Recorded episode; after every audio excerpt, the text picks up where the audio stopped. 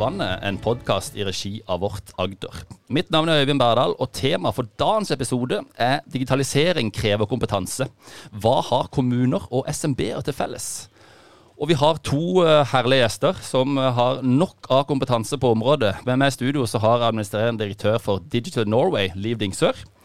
Og digitaliseringsdirektør i Kristiansand kommune, Ann Helen Moum. La oss starte med det, Liv. Digital Norway. Kan ikke du fortelle litt om hva det er? Hvordan dere jobber, og hva dere ønsker å få til? Oi, det var mange spørsmål på en gang. Det kan jeg gjøre. vi er jo definisjonen på en kraftsamling, vil jeg si. Ikke sant? Og vi ble jo etablert av de største næringslivsaktørene i Norge. Utgangspunkt fra Kongsberg Gruppen, som så at uh, det vi kaller dataøkonomien eller Industri 4.0, eller det er mange navn på dette her, er ganske komplekst. Uh, vi skal alle ta i bruk datateknologi. Uh, de store trenger å kraftsamle, møtes, diskutere, dele erfaringer på tvers av sektorer. Men det viktigste av alt, som Kongsberg kunne så, vi har 3000 underleverandører i vår verdikjede. Hvordan i all verden skal de klare seg? Dette er så komplekst. Og det at uh, alle disse små uh, bedriftene skal klare å finne løsningene og svaret på alle disse utfordringene med å ta i bruk datateknologi i praksis, er jo helt samfunnsøkonomisk veldig dumt, og sannsynligvis helt umulig, for vi har ikke nok kompetanse. Så det var en tanke om at vi store må gå sammen, og så må vi rigge oss. Uh, og så etablerer vi denne, dette apparatet som heter Diginovay, som er en non-profit virksomhet. Som rett og slett handler om hvordan kan vi ta ned barrierer uh, for uh, digitalisering i praksis, da, for bredden av næringslivet. Så der begynte vi, og brukte litt tid på å finne oss selv. Og så handler det jo da, ser vi jo mer og mer om at liksom fundamentet for egentlig alt vi driver med, er kompetanse. Det er der det begynner, og det er der det slutter. Og det er på en måte der uh, hovedfokus ligger i veldig mange av de prosjektene vi jobber med. da. Og så er det jo interessant også, bare for å legge til det, de siste årene så ser vi jo at vi jobber mer og mer inn mot offentlig sektor. Det er kjempeviktig. Og vi ser at veldig mange offentlige aktører forvalter jo kunnskap, virkemidler øh, også, og verktøy som er veldig avgjørende for næringslivets konkurransekraft. Uh, så det at vi klarer på en måte å jobbe godt sammen på tvers, er, er vi veldig opptatt av. Uh, og så ser vi at det er ganske mange sammenfallende behov, og det skal vi jo snakke mer om. Alene, at det er ikke så veldig stor forskjell på en liten kommune og en liten bedrift. Jeg tror vi må, må tenke mye mer erfaringsoverføring på tvers også der, da. For det handler rett og slett om at man, enten om man er en, en liten, en stor bedrift eller en kommune, at man forstår verdien av egne data. Mm. At man kan bruke de, og benytte de til å lage enda bedre tjenester og produkter. Ja. Det er det de jobber med. Det er det vi jobber med. Og også dette her med å klare å nyttiggjøre seg av et litt sånn bredere økosystem av venner og partnere. Da. At dette her, det er så mange komplekse utfordringer, så mange barrierer. Og det er jo ikke sånn at vi vil klare å finne løsninger på de i egen virksomhet uansett. Vi vil, alltid, vi vil trenge hjelp. Uh, så det er vi veldig opptatt av, at vi skal øke bestillerkompetansen til bedriftene. At de lettere skal forstå hva er det som egentlig er mitt behov i denne lange reisen jeg er på vei på. Mm. Og, og, hvor må jeg gå for å finne den hjelpen. Uh, er det et offentlig virkemiddel, er det en videreutdanning, er det en leverandør, eller hva er det jeg, er det jeg trenger? Og så er vi veldig opptatt av å få til kompetanse og erfaringsutvikling på tvers av sektorer og bransjer. Og jeg sier ofte det at jeg tror en av de liksom, hovedhemmerne for innovasjonen i Norge er den der not invented here-syndromet. At vi liksom veldig vanskelig for veldig mange å bygge videre på noe andre har gjort. Vi skal liksom finne opp kruttet på nytt hos oss selv hele tiden. Uh, og jeg kjenner liksom en sånn veldig Grunnideen med Dirnova er nettopp det å unngå all denne dupliseringen. Og hele tiden se på hvordan kan vi komplementere og forsterke hverandre på tvers. Mm. Så det er et sånt fundament i alt vi gjør, egentlig. Og det er vel også et viktig fundament i, i offentlig sektor, eh, Ann Helen. Altså Akkurat som SMB-er så, så, trenger kanskje offentlig sektor også et digitalt kompetanseløft. og bli datadrevne. Ja, så absolutt. Jeg må bare, bare, si med en gang jeg er kommunalsjef, ikke direktør. Bare så mm. ikke direktøren min føler seg avsatt her. Ja, den legger jeg på min kappe. jo, men det er jo, det, det er jo, akkurat det samme vi ser. Vi, vi, teknologien har kommet for å bli. Eh, verktøyene og mulighetene for å, å, drive utvikling av egen organisasjon, for å fortsette om det tjener penger eller levere gode tjenester, er til stede. Så vi har jo litt egentlig den samme reisen som, som eh, Liv snakker om her, hvor eh, vi har 356 kommuner ca., sier jeg, for det endrer seg jo stadig vekk, eh, som har uh, akkurat den samme driften eller det samme driftsbehovet, leverer de samme tjenestene. Og vi er ikke i konkurranse med hverandre. Vi er på samme lag. Og Skal vi da trenge å løse det på 356 forskjellige måter, eller skal vi samles og løse det sammen der det egner seg. Og det er jo det vi så skjedde. Regjeringen satte jo fokus på dette i 2019 med en, med en felles digitaliseringsstrategi for offentlig sektor. Det fulgte jo da kommunedirektørene og landstinget til KS opp med å gi KS, eh, som er jo kommunenes interesseorganisasjon, et større mandat på å si dere må ta ansvar til å drive denne digitaliseringen fremover. Så I tillegg til å, å jobbe med digitalisering i Kristiansand kommune, så leder jeg nå det regionale digitaliseringsnettverket Digi Agder. Som ser jo nettopp på det samme. Vi er, vi er mange små. Det er veldig krevende å skulle løfte det. Vi er noen store byer i Norge som kan gjøre mer. Men likevel så er vi ikke så veldig store i en sånn større sammenheng. Hva er det sier, det kan få plass til hele Norge i Hamburg. Så, så, så, vi er nødt til å jobbe sammen og samle kreftene. Og da er det etablerte kommunedirektørkollegiet i Agder. i Agder sier vi skal samarbeide på tvers. Vi skal bruke de kreftene vi allerede har. Så skal de i tillegg tenke et større bilde. Og det er jo som du sier, det er jo fordi eh, vi digitaliserer ikke inni oss. Vi digitaliserer sammen med andre. Eh, vi lærer sammen med andre. Vi må handle sammen med andre. Eh, behovene som vi skal løse, klarer ikke vi å løse alene. De løser vi sammen med andre. Men så har jo ikke vi mer enn opprettet Digi Agder, da. Så blir jo spørsmålet ok, men hva skal vi jobbe med? Hvilke beslutninger skal vi ta? Hva skal vi prioritere?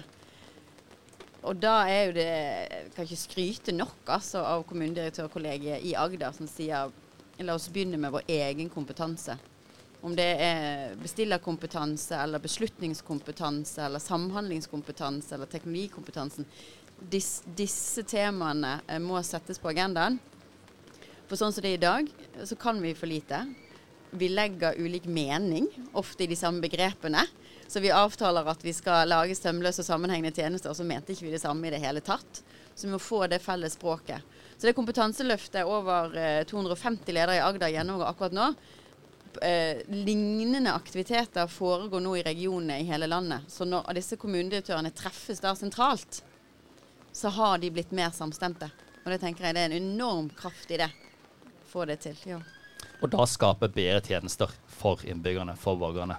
Akkurat som, som næringsliv og uh, skaper enda bedre produkter og enda mer effektivitet. Mm.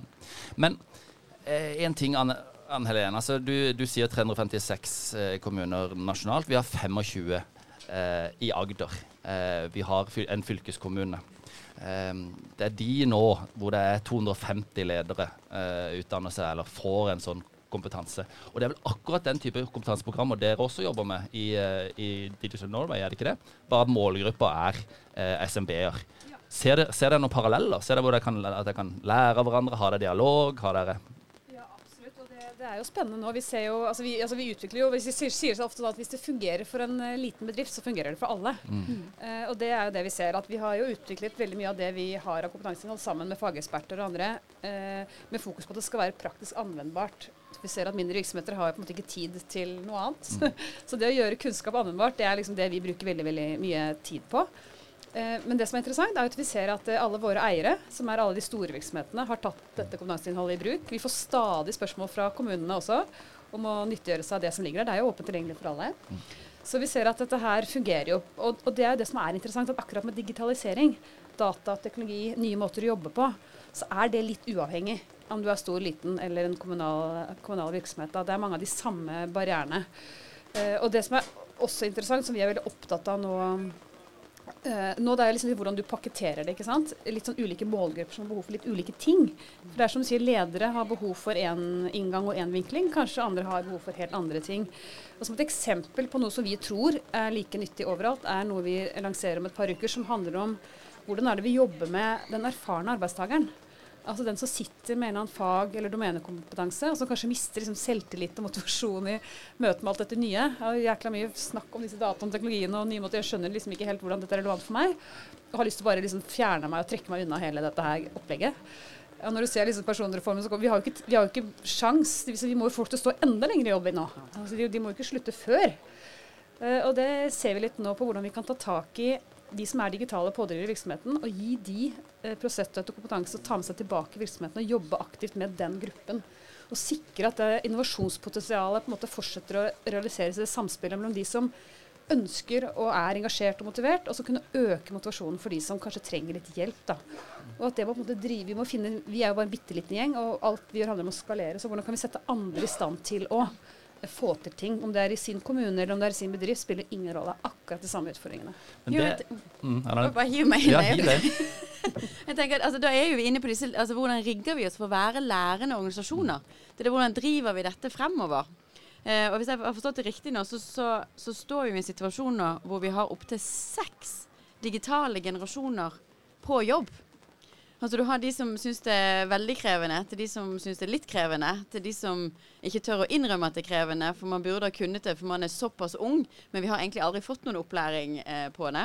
Til de som eh, kommer bare fra en helt annen verden. Måten vi jobber på er, er så eh, egentlig veldig tungvint i, i de sine øyne på mange måter. Og så bare synes jeg var så spennende det du sier med disse Å å få, de, få, de, eh, denne kombinasjonen mellom de som kan mye og de som kan lite, eh, senior og junior, til å dra hverandre. Den samme parallellen jobber jo vi nå ut mot um, eldrefrivilligheten. Det er mye velferdsteknologi. det er mye De skal, de vil bo hjemme, det skal de få lov til. Da må de utstyres med mye forskjellige dingser og duppeditter. Eh, og, og samfunnet forventer jo at du eh, finnes på nett, om det er skatt eller bussbilletten eller hva det er.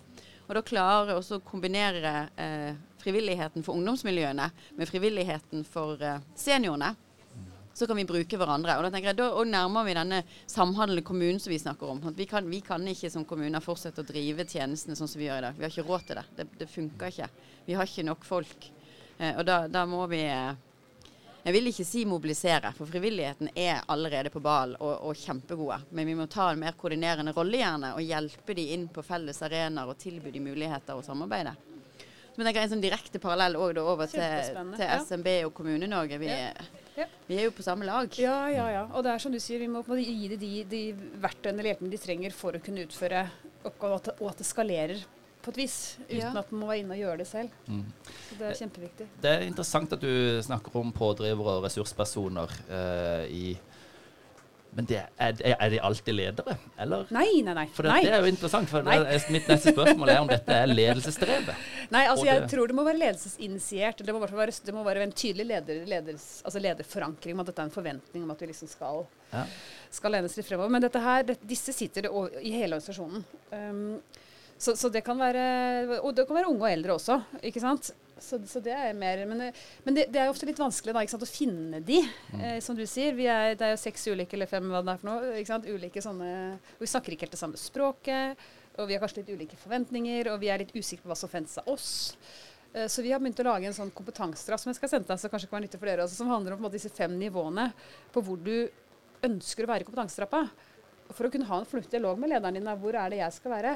Og disse vi snakker om, som er disse digitale pådriverne, det er de som på en måte oppriktig er nysgjerrige og engasjerte og brenner for dette og kan klare å skape et engasjement. Men som også har en slags Det er jo noe med at de må sette i stand til å snakke et språk som for det er jo mye språkforvirring, som du sier. så liksom, hvordan kan vi liksom få et, et språkbruk og en liksom prosess og metode som ikke skyver folk unna, men som gjør at de blir litt sånn engasjerte og motiverte? For det er jo ofte en litt sånn barriere der, da. At som du sier, jeg, dette burde jeg jo kunne. Altså, jeg tør ikke å innrømme at ikke jeg kan dette. Jeg tør, tør ikke å stille det spørsmålet. Jeg tør ikke å ta opp den diskusjonen i ledergruppa fordi jeg er redd for å bli avkledd. Så det der å legge til rette for at man kan søke kunnskap for å kunne delta i diskusjoner Jeg sier ikke at alle trenger å ha dybdekunnskap, men alle må forstå nok. Og det er denne, Vi snakker om denne T-shapen, eller den, T-en, hvor flere og flere Du kan ha din dybde, men flere og flere er nødt til å tenke at de er nødt til å ha en mye mer breddekompetanse på toppen. Fordi vi jobber mer tverrfaglig, vi jobber liksom i andre typer team, vi jobber med andre utenfor vår egen virksomhet. Så vi er nødt til å kunne litt mer om veldig mye mer. Og da tror jeg det er viktig at vi lager disse enkle inngangene, som er litt sånn selvbetjente. Eh, men så er utfordringen at selv om det ligger mye godt innhold inne på en sånn læringsplattform, det vet vi alt om, så er det ikke sånn at det liksom rennes ned. Så vi må også jobbe med den læringskulturen og hvordan er det vi liksom kan drive det engasjementet. Da. Og da tror vi må bruke folk internt i virksomhetene som kan være litt pådrivere, og så folk kan se litt opp til og bli litt uh, inspirert av. da. Jo, for jeg tenker det, altså, tilbake til hva lederen sier. Du skal, leder må tilrettelegge. Uh, og det vi ser i hvert fall eh, i offentlig sektor, er jo at tid er en utfordring. At vi er så driftsorienterte. Så det at lederne uh, faktisk kan gå inn og si vi, frigjør tid. Mm. 20% av tiden din skal du bruke på å oppsøke kunnskap du ikke allerede hadde. Eh, oppsøke læring. Og også da til disse pådriverne, da, om vi skal kalle det det. Um, vi må jo gi de rom, da. Eh, og mandat, som det heter så fint i, i vår del av Ja, det heter i vår del òg. Men at, altså, det skal være uformelt, og du har kollegaveiledningen. Ja. Men, men det må jo være en forståelse eh, at her er det noen som, som kan og vil, og får lov. Men Annelien, du, du snakker om, eh, i stad snakka du om at vi, har ikke, vi kan ikke drive offentlig sektor. Det, det går ikke på denne måten. Vi er nødt til å utvikle oss og innovere. Eh, du snakker om tid. Så er spørsmålet er det ikke det nettopp det? Vi har, vi har ikke tid. Vi er nødt til å tilpasse oss. Eh, vi, må, vi må gjøre dette til et konkurransefortrinn istedenfor å sakke etter. Ja, nei, og, ja, ikke sant? og det er denne evige utfordringen, da, som du sier. At vi, vi må faktisk bli fortalt at dette forventes av deg. At du i din jobb skal kontinuerlig eh, lære. Enkelt og greit. og det er jo Det handler mye om Vi, har, altså, vi snakker mye om IKT-utdannelse, og vi må ha flere, og den politiske og sånn, og det er fint. Men med det enorme kompetansebehovet som er nå, og den enorme omstillingen vi står overfor både i privat og offentlig sektor, så er det ikke nok folk til å hente eksternt som. Så vi er nødt til å jobbe med de bæra vi har, nær sagt. Ikke sant? Og da tror jeg denne forventningsavklaringen vi, For det er noe med motivasjon her. Og motivasjon handler ofte litt om autonomi, at du føler at du liksom har et valg. Så det er noe med å, og, og det må være en sånn indre, det må være en viss indre drive. Hvis ikke så blir dette fryktelig vanskelig. Og da tror jeg mye handler om at ikke vi må legge lista for høyt. Ikke sant? Og det Ja, må være en er viss forventningsavklaring til hva er det vi egentlig forventer av deg. Eh, for dette, hvis du føler at det bare vokser av helt over hodet, og du ikke finner noe egenmotivasjon dette, så, så skjer det lite. Mm. Du må se en slags nytteverdi, da. Så, så det, dette her med å finne liksom de riktige nivåene, men tydelig forventningssette, og kanskje til og med blokke tid. Vi hadde et uh, panel i går om dette med samarbeidet mellom akademia og næringsliv. Mm. For å få videreutdanning tilpasset næringslivsbehov. Eh, og da hadde vi Telenor med oss, og de sa rett ut vi setter av hver, være, hver torsdag klokka 12 til 2, så er alle kalendere blokket. Typ. Altså, du, kan nesten, du må nesten gå så langt, da. Altså, den tiden er satt av til å faktisk uh, gjøre noe. Innhente inspirasjon, innsikt, kompetanse. Hva du, du føler at du trenger. Altså, vi er nede på det nivået altså, for å få det til å skje. Jeg var, ble egentlig helt månebedotten her, for jeg hørte Sparebank1 Utvikling. De blokkerer hver fredag for alle ansatte. Ja. Da, og nå enten lærer noe alene eller lærer noe sammen med andre, men, men det er blokkert. Jeg tenkte oi, ja, vi, da, vi har en vei å gå med det. ja. Men det er vel en utfordring for små og mellomstore be- bedrifter, for å snakke om de da, som du virkelig eh, representerer og snakker for her, eh, Liv. For der er det ikke nødvendigvis sånn at ja, det ligger i ordet, de er små og mellomstore. Det er, det er ikke mer enn ja, kanskje ti ansatte. Nei. Enn det. Nei, nei, de har jo, det er jo som du sier, det er jo operativ drift 24-7, men det er derfor jeg tror kompetanse må gjøres ekstremt anvendbart. Og der har vi en vei å gå, da. ikke sant? Det blir ofte for akademisk, det blir for teoritungt. Du skjønner liksom ikke helt hvordan dette skal brukes i morgen. Så det, det er liksom kanskje det viktigste vi kan jobbe med nå, er å på en måte vise eh, vise hvorfor dette er viktig. Vise liksom casene eller bedriftene som har gjort den lille investeringen da, som skal til. Eh, og så ser vi også at skal vi få til den omstillingen nå, så er det jo veldig mange fagfusjoner som er nødt til å klare å snakke sammen, selv i de små. Mm. og, og språk er ganske kraftfullt. Mm. Så, og det ser vi er en kjempeutfordring. At vi bruker ofte veldig ulike språk. Og det å få forretning og IT for eksempel, til å Den oversette rollen eh, mellom der er ganske avgjørende. Og vi har et kjempespennende prosjekt nå sammen med Universitetet i Bergen, hvor vi utvikler et konsept som vi kaller Datareisen, som egentlig er litt sånn data literacy. Altså det, det, der du, det alle må kunne, på en måte. Om du er, eh, om du er em, bare vanlig borger, da, eller om du er en, en eh, ansatt et sted. Og det handler egentlig bare om at vi må, vi må demystifisere litt hva dette er. Vi må finne litt, et enklere språk. Eh, Vi må gjøre det mer relevant for din hverdag. Ikke sant? Du liksom kan liksom kjenne at uh, dette kjenner jeg meg jo igjen. Dette er jo faktisk uh, noe jeg bør forholde meg til, på et vis.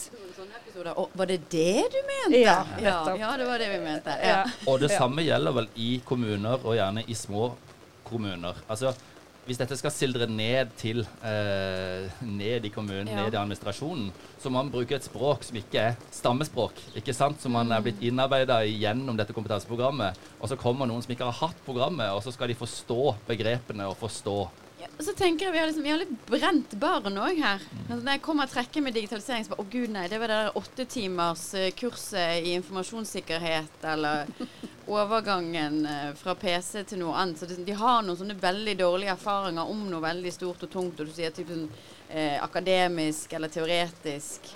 Så det der eh, Å klare, da, ja, å kommunisere nytteverdien.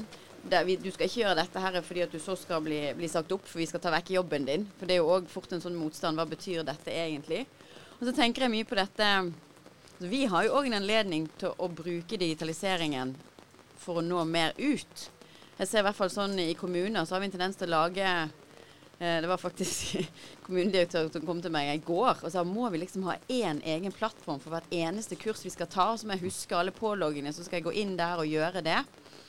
Eh, og vi snakker om at vi kan ikke kreve at en omsorgsarbeider som jobber skift dag og natt, skal sette av tid for å se på ting. Men alle disse sitter jo og ser på sånne der eh, reels, eller hva det heter. Og disse tingene. Altså, vi burde jo vært der de allerede er. Ja. Med mye kortere, enklere budskap. Og gjøre det. Altså ta inn over oss på en måte eh, den type kommunikasjonssamfunn vi er blitt. Vi, vi trenger små, korte drypp. Eh, Ikke tilfeldig nevnt ja, brukt ord. Vær kanskje litt forsiktig her, da, men igjen tilbake til dette kompetanseprogrammet. Som sagt, jeg er superstolt av kommunedirektørkollegiet som, som tok de avgjørelsene, og de er virkelig en pådriver for å få det til. Men en merka jo på noen av de at det var lettere å sitte og beslutte at de skulle bruke eh, tolv timer fire ganger i løpet av halvannet år. Eh, enn det var nå når de innså hva tolv timer eh, i løpet av et, eh, eh, et, eh, et kvartal er. Det blir sånn Oi, dette var mye. Så det, det er noe sånn Oi, var det meg som skulle gjøre dette? Skal jeg sitte? Og så forstår jeg det ikke. Og så sier jo, men det er jo det som er poenget. Det er jo noe du lærer. Vi må gjennom den det der ubehaget. Mennesker vil jo vil, Vi søker jo alltid etter komfort. Læring er ikke nødvendigvis komfort. Nei. Og Da ligger vel forholdene til rette nå, Annelien, Fordi eh, Digi Agder er jo et av nettverkene i den regionale samhandlingsstrukturen. Økosystemet, gjensidig avhengighet, hvor Digi Agder er en sånn helt naturlig grunnplanke for alt som skjer. For utviklingen er helt avhengig av digitalisering, er det ikke sånn? Så ser, ser du store muligheter nå for eh, hva som skjer videre? Kan dette dimensjoneres ytterligere? Kan vi, kan, hva er videre? Hva skjer videre? Ja, altså sånn for øh, Det var flere spørsmål. Skal vi se nå. Eh, jeg har jo veldig tro på at digitalisering som prefiks forsvinner. Litt der fremme så, så, så må vi slutte å kalle ting for digi helse og, og digi ditt og digi datt. Det er bare en naturlig del av utviklingen. Så det er jo denne kompetansekløften nå, å få det inn i, eh, i fingrene og hendene i hele organisasjonen, om det er personalsiden, virksomhetsstyringen, eh, hele den biten der. Eh, nå snakker jeg meg vekk. Men det vi ser da, det er jo eh, på Nå er det topplederne som gjør dette. Og, og nå begynner det å, å, begynner tilbakemeldingen å komme. Ja, men kjære tid, hva skal vi gjøre nå? Og Det hjelper ikke at vi kan det, hvis ikke neste ledd kan det. Og neste ledd kan det. Og de som står ytterst, kan det. Så det er jo tilbake til som du sier, Liv, disse tilpassede parallelle løpene for ulike nivå. Men jeg tror jo eh, at det er jo mer den måten å lære på enn selve digitaliseringen. Nå er det teknologi, etter hvert blir det data. Så er det noe vi ikke vet, som vi skal kunne der framme. Men å få inn denne der grunnleggende forståelsen i bedriftskulturen, at vi må være lærende kulturer. Du er aldri utlært. Vi, vi kan ikke si sånn Nei, nå har jeg lært nok. Nei, nå har jeg gått på nok kurs. Nå vil jeg ikke mer. For det vil hele tiden være noe. Og som du sier, dette T-perspektivet. At, at det bare, du, du, vi vet det ennå ikke, men jeg skal love deg at jobben din ser ikke ut om noen år som man gjør i dag. Og hvem du samarbeider med, og hva du hvilken andre evner i deg du må trekke på for å løse den. Eh, så det er jo egentlig den muskelen eh, en skal drive og kna, og så handler det akkurat nå mye om data og teknologi. Men det kommer til å gå over. Hva tenker du om det, Liv? Nei, jeg liker at du bruker hendene når du beskriver deg, for det er litt det det, det handler om. at eh, Jeg tror vi trenger også å øve oss litt i trygge omgivelser. Da. for En ting er jo at du kan lese deg opp på det, sant, teori og sånn, men det der å liksom få, få øvd deg litt og trent litt og testet litt, da. At du får det litt sånn Det tror jeg er kjempeviktig. Og det ser vi når vi utvikler Vi jobber veldig tett med akademia og utvikler mange nye videreutdanninger. Vi er vel oppe i 25 nye nå innenfor en rekke ulike temaer. Og da tar vi med oss bedriftene inn, og så utfordrer vi eh, UH-sektoren på hvordan skal vi levere læring nå for et næringsliv i enorm fart og endring. Hva trenger de, eh, og hvordan må UH-sektoren tilpasse sine eh, leveranser. Da. Og det vi ser er kjempeviktig, det er at man får type verktøy underveis i en videreutdanning eh, som du kan fortsette å bruke etterpå. Så du liksom har allerede begynt å øve deg litt. Eh, så det er ikke overgang når du kommer tilbake til jobb, så er det ikke sånn at du har glemt det kurset med en gang, for at du har faktisk med deg noe Mm. som du kan fortsette å bruke. Eh, så det tror jeg er kjempeviktig at vi liksom får med oss noen ting som gjør at ikke vi For det er fort gjort at man har vært på kurs, og så tok liksom eh, kalenderen der når du kom tilbake, og så glemte du både å dra med deg resten og huske på hva du hadde lært. Så det, er kjempe, det tror jeg er veldig viktig. For, ja. Så, Ja. så den, den, er, den praktiske forankringen Vi snakker jo mye om nytt, nyttig, nyttiggjort. Ja. Vi skal komme oss hele veien. Ja. Men jeg vil følge opp litt det der med UH-sektoren. Vi er jo så heldige å ha Universitetet i Agder Mm. her. For det ene er jo denne vi, ja, vi må gjøre det tilgjengelig, vi må gjøre det praktisk. Det, det, hva betyr dette i hvordan jeg Hva skal jeg gjøre annerledes i morgen når jeg kommer tilbake inn på jobb? Mm. Eh, også den andre dimensjonen med det, som, som, er jo Dette er mye små kommuner vi har i Agder. Eh, at noen av de skal reise vekk i to eller tre dager og være på kurs eller følge en undervisning. Utrolig krevende. Mm. Så det, nå har vi, har vi første hinderet da, gjennom pandemien. Nå kan vi delta digitalt. En kan gå rundt eh, der en ønsker å være, men også da liksom ta inn over seg hvordan arbeidshverdagen er til de fleste i, mm. i små kommuner. Mm. Det, ja. ja. det er kjempeviktig. Og det vi også ser når vi leverer disse kursene hos oss, da vi leverer en rekke ulike workshops på en rekke ulike temaer, og det vi alltid sikrer da, er at den, For det er det samme her. Da sender gjerne bedriften to-tre ansatte, ikke sant. Som de, de har jo ikke tid til å gi dem fra seg, men de kommer. Men det viktigste vi da kan gjøre, det er å sikre at de har med seg en relevant problemstilling fra egen virksomhet. Sånn at de i kurset og i på en måte opplæringen så jobber de med en problemstilling de uansett trenger å få løst. Så det også at vi kan liksom virkelig trekke si, opplæringen inn i arbeidshverdagen også der, mm. er Anvendt kjempeviktig. kunnskap. Ja, ja, og at du, du, på en måte appliserer kunnskapen med en gang mm. eh, på virksomheten og kan teste den og forankre den litt underveis med de andre og med, med fag, altså de som underviser. Da. Mm. Så det har vi sett har vært utrolig nyttig og øker jo på en måte motivasjonen for læring veldig. Det er jo utrolig interessant. Altså, er, du, du, jobber jo egentlig bare. da. Du er bare et annet sted å jobbe og, og anvender kunnskap med en gang. Mm. Eh, vi òg eh, forsøker å komme der at når vi, når vi har noe, så må det òg være et sånt format eh, at du kan reise tilbake igjen til kommunen din og være denne positive pådriveren eller denne kollegaveilederen. Så, så, så, du har lært noe som du forhåpentligvis har fått noe verktøy da, til å kunne videreformidle i, på en eller annen måte. Mm. Så, så, blir du, det blir jo selvfølgelig litt sånn som viskeleken. Det blir litt, litt uh, svakere og lenger ut. Men det kan likevel vekke noe, og du har noen, uh, noen å snakke med òg. For det er jo noe med det. Det, det høres jo veldig bra ut med sånn at du har tre-fire stykker som gjør det. For det, det kan bli ensomt å kunne noe. Ja, og vi, vi, bare for å nevne, vi har et sånt um, vi kaller Det fine norske ordet 'trainer trainer', da, men det kan ikke være norsk ord. Men vi utvikler disse innovasjonspådriverne i, i virksomhetene. Og det er litt sånn som du sier, det er kanskje bare én, da. For dette er bedriften bare ti ansatte eller 20 eller ikke sant. Uh, og det gjelder jo mange fagfelt, ikke bare innovasjon. Det kan jo være på cybersikkerhet, som kanskje daglig leder er ansvarlig for. Eller, det er mange ting som er parallelt på kommunene også.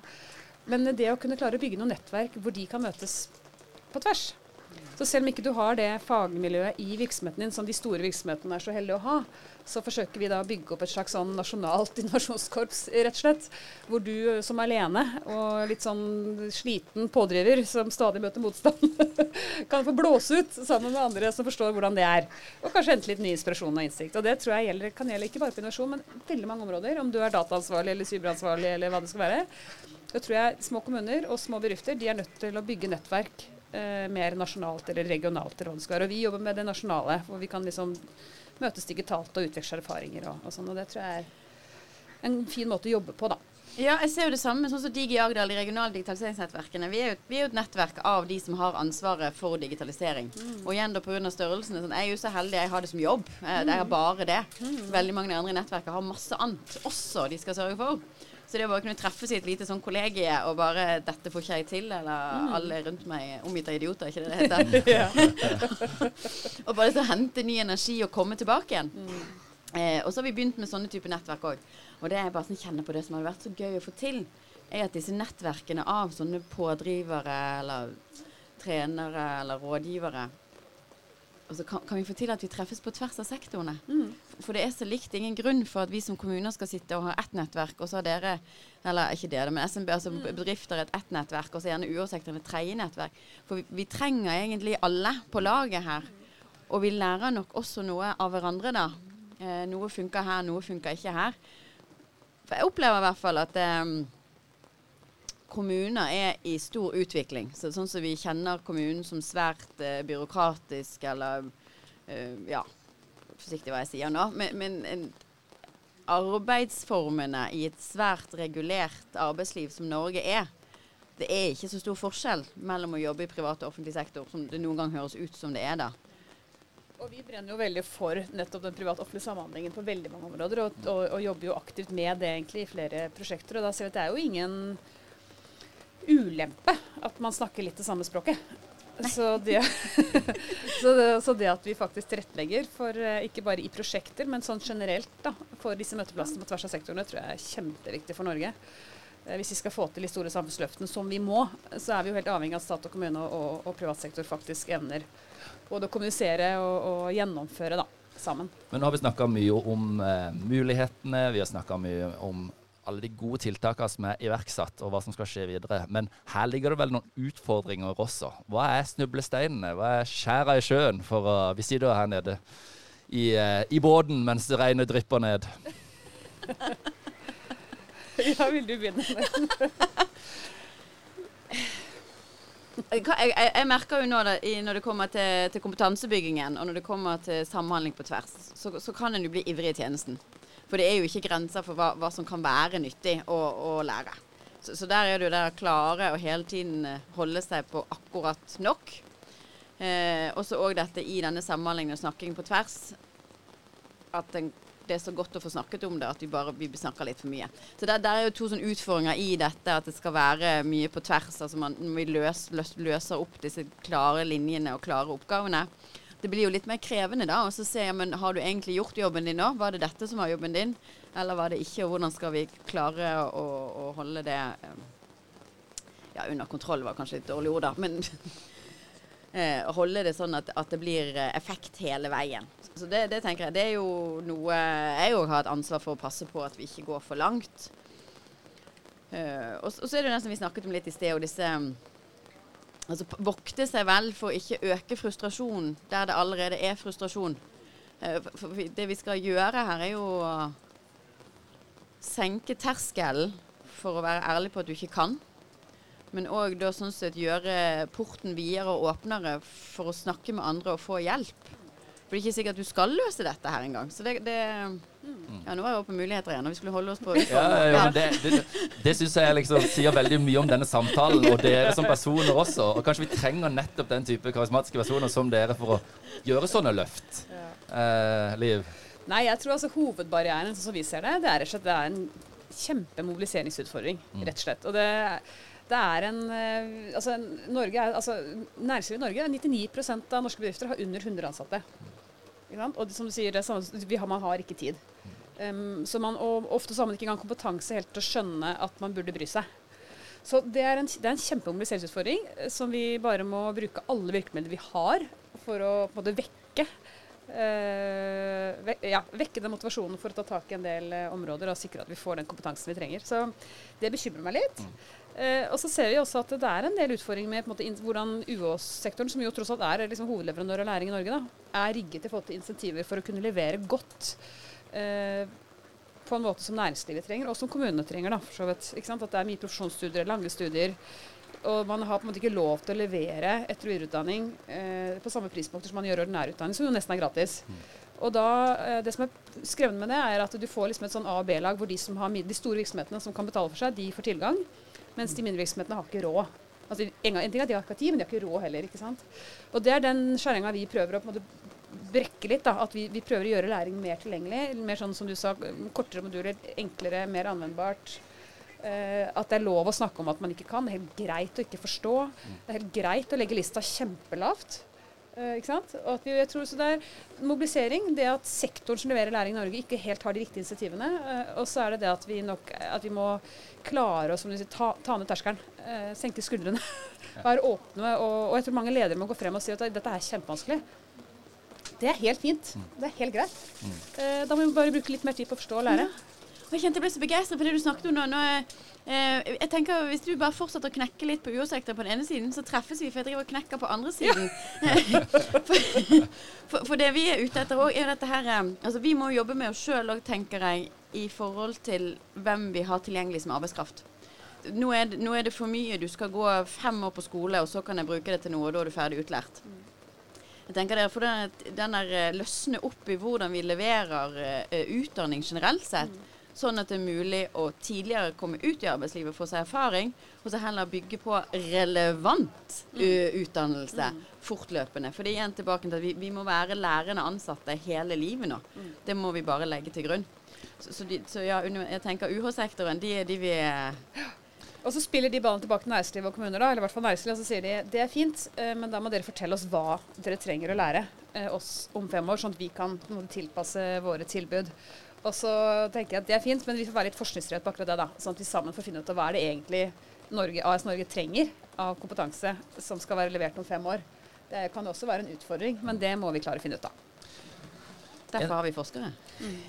En annen utfordring jeg kan se meg, altså å skape en kultur for at dette blir naturlig i hverdagen. Altså, Du snakker om Sparebank1, du snakker om å gi ansatte og muligheten til å Men da må det jo ikke skje som en sånn Nå gjør vi det. Men det må skje som en det, Her gjør vi det sånn. Mm. Tenker du om det, Leiv? Ja, nei, jeg er helt enig. Og du beskrev det litt, denne, denne Du kalte det kollegatrening. Eller, altså det der å faktisk bare eh, den, den, beste læringen skjer jo sammen med andre. Mm. Så jeg tenker det der å, å være mer bevisst på å koble eh, har litt det prosjektet vi jobber med hvor du tar på en måte fagkompetansen koblet med den digitale kompetansen, og de er like mye verdt, på en måte. Og jeg ble veldig inspirert. Jeg hadde et møte, NRK er en av de nyeste medlemmene eller partnerne hos oss. Og da beskrev kringkastingssjefen et prosjekt de har på podkast. Eh, podkast masterclass, hvor de setter sammen eh, en kjempebredde av mennesker. Hvor hun eldste som var med, hadde vært gjennom fire kringkastingssjefer, tror jeg. Og den siste var liksom rett fra skolebenken. Og, og, de er ekstremt bevisste på å sikre den erfaringsoverføringen, og at det er en veldig driver for de som begynner i NRK, for de vet at de vil lære av de aller mest erfarne og de beste, og det tilrettelegges for at den erfaringsutvekslingen kan skje i praksis rundt forskjellige satsinger eller prosjekter. Eller. Så litt at vi klarer å jobbe mer aktivt med å få den kompetanse- og erfaringsoverføringen i, i, arbeidshverdagen. Da. Og at lederen, leder og, og avdelingsleder sånn, tilrettelegger litt for det. Da tror jeg vi kan flytte oss mange skritt bare, bare der. For hvis bare organisasjonen hadde visst hva organisasjonen hadde visst, så hadde vi jo vært kjempesmarte alle sammen. Så det tror jeg er viktig. Jeg tenker Der er du inne på, på liksom strategisk kompetansebygging. Eh, altså, hvor strategisk er vi, eh, små eller store, og tenke hva er det vi skal prioritere eh, at vi lærer, og så at det ikke er universelt. Altså, hva, hva, er det vi skal prioritere at hvem lærer, og hvem skal de lære det av? Eh, og hva trenger vi kursing på, hva trenger vi bare kollegaveiledning på, hva trenger vi men mentorprogrammer på? Mm. Så det, jeg tenker det er noe der vi, vi eh, eh, med fordel kan systematisere bedre. Mm. Jeg hører jo litt sånn eh, rundt forbi en sånn tanke om at vi skal kunne rekruttere oss ut av dette kompetansegapet. At vi må bare vente til alle disse som ikke kan teknologi, pensjonerer seg, og så løser det seg sjøl. Men sånn, da har det kommet noe nytt. Da har vi blitt utdaterte. Så det, det, det funker ikke sånn. Vi, vi, må, som du sa, vi, vi har de jordbæra vi har. de må vi gjøre det beste ut av. Og de er jo flinke folk. Altså alle har jo en iboende lyst til å gjøre en god jobb. Så vi må jo bare hjelpe litt på vei. Mm. Og så må vi ha gode planer for hvordan vi gjør det. Og de planene må virksomhetslederen eie sjøl. Mm. Og så har jeg tenkt på en ting sånn i forhold til hvordan kan vi liksom få dryppe det inn. For nå blir det så veldig sånn ja, du må gå på HMS-kurset, og så må du gå på det der teknologigreiene, og så må du passe på at du har kontroll på økonomien og personal- og arbeidsmiljøloven. At det blir veldig sånn. Så jeg tenkte sånn, øh, Og dette er jo selvfølgelig forskjellig for hva du jobber med. Men som en kontormedarbeider da, så kommer du på jobb og så åpner du PC-en, og så åpner du Outlook. Og det er jo fullt mulig å sørge for at det som først kommer opp, er en eller annen liten videosnutt så du bare må se igjennom før du får lov å begynne å jobbe. Det, det, har jo, teknologien har jo vi for å få til noe. Så hvis vi har en strategisk plan knyttet til det, og det gjelder jo hver enkelt eh, bedrift eh, Og så tenker jeg da sånn som for Dig i Agder, da, så, så kan vi bruke eh, det oppdraget vi har fått, til å hjelpe de på vei. At vi trenger ikke å si at dere hver for dere må lage kompetanseplan. For, for, for Åseral og Sirdal har relativt like behov. Så vi kan, vi kan, få dette på plass. Og så kan de selvfølgelig velge sjøl om de vil bruke det eller ikke. Men vi kan nok bidra litt inn der. Gjøre det lettere. Senke terskelen igjen. For det, det, kan nok være litt sånn Ja, hva skal jeg velge, da? Det er en haugevis av kurs og haugevis av plattformer og, og prioriteringer. Skal jeg prioritere data, arkitektur, sikkerhet? Hva er viktigst? Mm. Også, vi pleier å dele det litt opp. da, for hvis Dette med kunnskapsløp eller det med byggekompetanse handler jo ofte om vi vil at vi skal gjøre noe annerledes. Mm. Det er jo gjerne derfor. Mm. Det, det, har, skal, det, er jo fordi vi skal gjøre noe. Og Da pleier vi ofte å snakke om at vi må skille litt på inngangen når vi snakker om kunnskap. Eh, ferdigheter og holdninger bruker vi da. ikke sant? For det er litt sånn, Kunnskap det handler mye om at du kan observere og se muligheter. Eh, ferdigheter er gjerne det at du behersker verktøy og du på en måte klarer å henge med i arbeidshverdagen. Og holdninger er typisk ikke bare ledere, men spesielt ledere, som trenger å ha måte, et riktig tankesett i forhold til å være pådrivere og, og, og være sånn implementeringsorientert og få ting til å, til å, skje i praksis. Jeg tror det også kan rydde av og til at eh, sant, nå handler det om at du skal liksom, håndtere den digitale arbeidshverdagen med å, med å liksom, kunne bruke fagsystemer og bruke samhandlingsverktøy, og det er liksom én del av det så ønsker vi sant, at du skal forstå litt mer at teknologi og litt mer for å klare å se muligheter for virksomheten vår. Kanskje oppdage noe nytt, liksom, se noen sammenhenger du ikke så før. Og så trenger vi at du måtte er med oss og er positiv eh, i det hele. da. Så det er litt sånn interessant å, å snakke litt rundt de tre, syns jeg ofte. Mm. Ja. det kan rydde litt i hodene til folk. For ofte så blir det litt sånn sauset sammen, og du føler liksom at mm. det er så mange ting på en gang. Ja. ja. Veldig mye handler jo bare om kulturen. Altså, har vi kultur for å lære? Mm. Har vi kultur for å prøve å feile? Mm. Eh, hvordan reagerer organisasjonen hvis du feiler? Og, og her det snakket vi tidligere i leverandørutviklingsprogrammet med, med næringsministeren om. Altså, I Kommune-Norge i hvert fall så er det nok litt for mye frykt for å feile. Mm. vi, har, vi har media med Den femte statsmakt, og vi har eh, kontrollutvalget, og vi har liksom, alt er skriftliggjort og, og, og, tilgjengelig. Og da er det krevende å skulle stå i, i praktisk læring. Hvis du, hvis du, ikke tør å feile. Så den, den igjen da, er holdningene og den kulturen vi som ledere klarer å bygge eh, rundt de ansatte. Det er greit at du bruker litt tid på dette. Det er greit at eh, du ikke fikk det til med en gang. Eh, det meste kan fikses. Mm. Eh, jeg hadde en tidligere sjef som pleide å si det er lov å gjøre feil så lenge du lærer av det. Mm. Og hvis du ikke gjør feil, så har du for lite å gjøre. Men dette vet jeg du brenner for, Liv. Jeg har uh, lest om det, hvordan du snakker om det å ta risiko, det å føle tillit, det å forstå rammeverket rundt seg for å kunne ta en viss type risiko. Mm. Ja, ja det, er det som du sier. Det må skapes en, en, en trygghet. Da. Mm. En trygg ramme for å kunne ta risiko innenfor. Mm. Uh, så det, det, er jeg helt enig med. Det er så viktig. Og det at man på en måte ikke blir straffet for å ha, å ha prøvd, men heller løftes frem. Og så er jo ja, risiko er så mangt, og selvfølgelig skal vi lære, og man skal ikke være sånn hodestups heller. Eh, men vi er nødt til å pushe eh, mye nå. Og jeg tror det er mye vi har ikke nødvendigvis helt svarene på hvordan ting vil fungere i vår virksomhet. alltid. Hvordan teknologien vil fungere, om vi klarer å få det til med den datautvekslingen, eller om det systemet faktisk Vi vet nok ikke helt før vi liksom har prøvd, da, av og til.